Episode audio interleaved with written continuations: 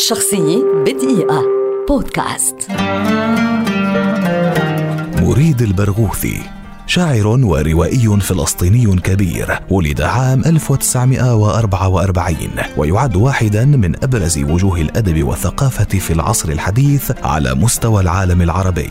سافر إلى مصر عام 1963 حيث التحق بجامعة القاهرة وتخرج في قسم اللغة الإنجليزية وآدابها عام 1967 نشر ديوانه الأول عام 1972 بعنوان الطوفان وإعادة تكوين ونشر أحدث دواوينه بعنوان منتصف الليل عام 2005 وصدر له مجلد الأعمال الشعرية عام 1997 وفي رصيده خلال مسيرته 12 ديوانا شعريا منها أيضا فلسطين في الشمس قصائد الرصيف رنة الإبرة وزهر الرمان وكتابان نثريان هما رأيت رام الله وولدت هناك ولدت هنا. عرف مريد بدفاعه عن الدور المستقل المثقف واحتفظ دائما بمسافة بينه وبين المؤسسة الرسمية ثقافيا وسياسيا واهتم في قصائده بالمشترك الإنساني مما يجعل شعره بالغ التأثير في قارئه أيا كانت جنسيته. وهو يكتب بلغة حسية مادية ملموسة ويعمل على ما يسميه تبريد اللغة أي أنه يبعدها عن البطولية والطنين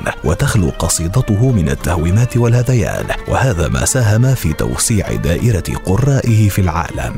حصل البرغوثي على جائزة فلسطين في الشعر عام 2000 ترجمت أشعاره إلى عدة لغات وحاز كتابه النثري رأيت رام الله على جائزة نجيب محفوظ للأداب فور ظهوره. وصدر حتى الآن في ست طبعات عربية كما صدر باللغة الإنجليزية ثم ترجم إلى لغات عديدة. وشارك البرغوثي في عدد كبير من اللقاءات الشعرية ومعارض الكتاب الكبرى في العالم وقدم محاضرات عن الشعر الفلسطيني والعربي في جامعات عالمية. وتم اختياره رئيسا للجنة التحكيم لجائزة الرواية العربية لعام 2015 تزوج من الروائية المصرية الراحلة رضوى عاشور وابنهما الوحيد هو الشاعر والأكاديمي تميم البرغوثي. في الرابع عشر من فبراير 2021 رحل مريد البرغوثي عن عمر ناهز 67 عاما تاركا إرثا أدبيا فكريا عظيما. شخصية بدقيقة.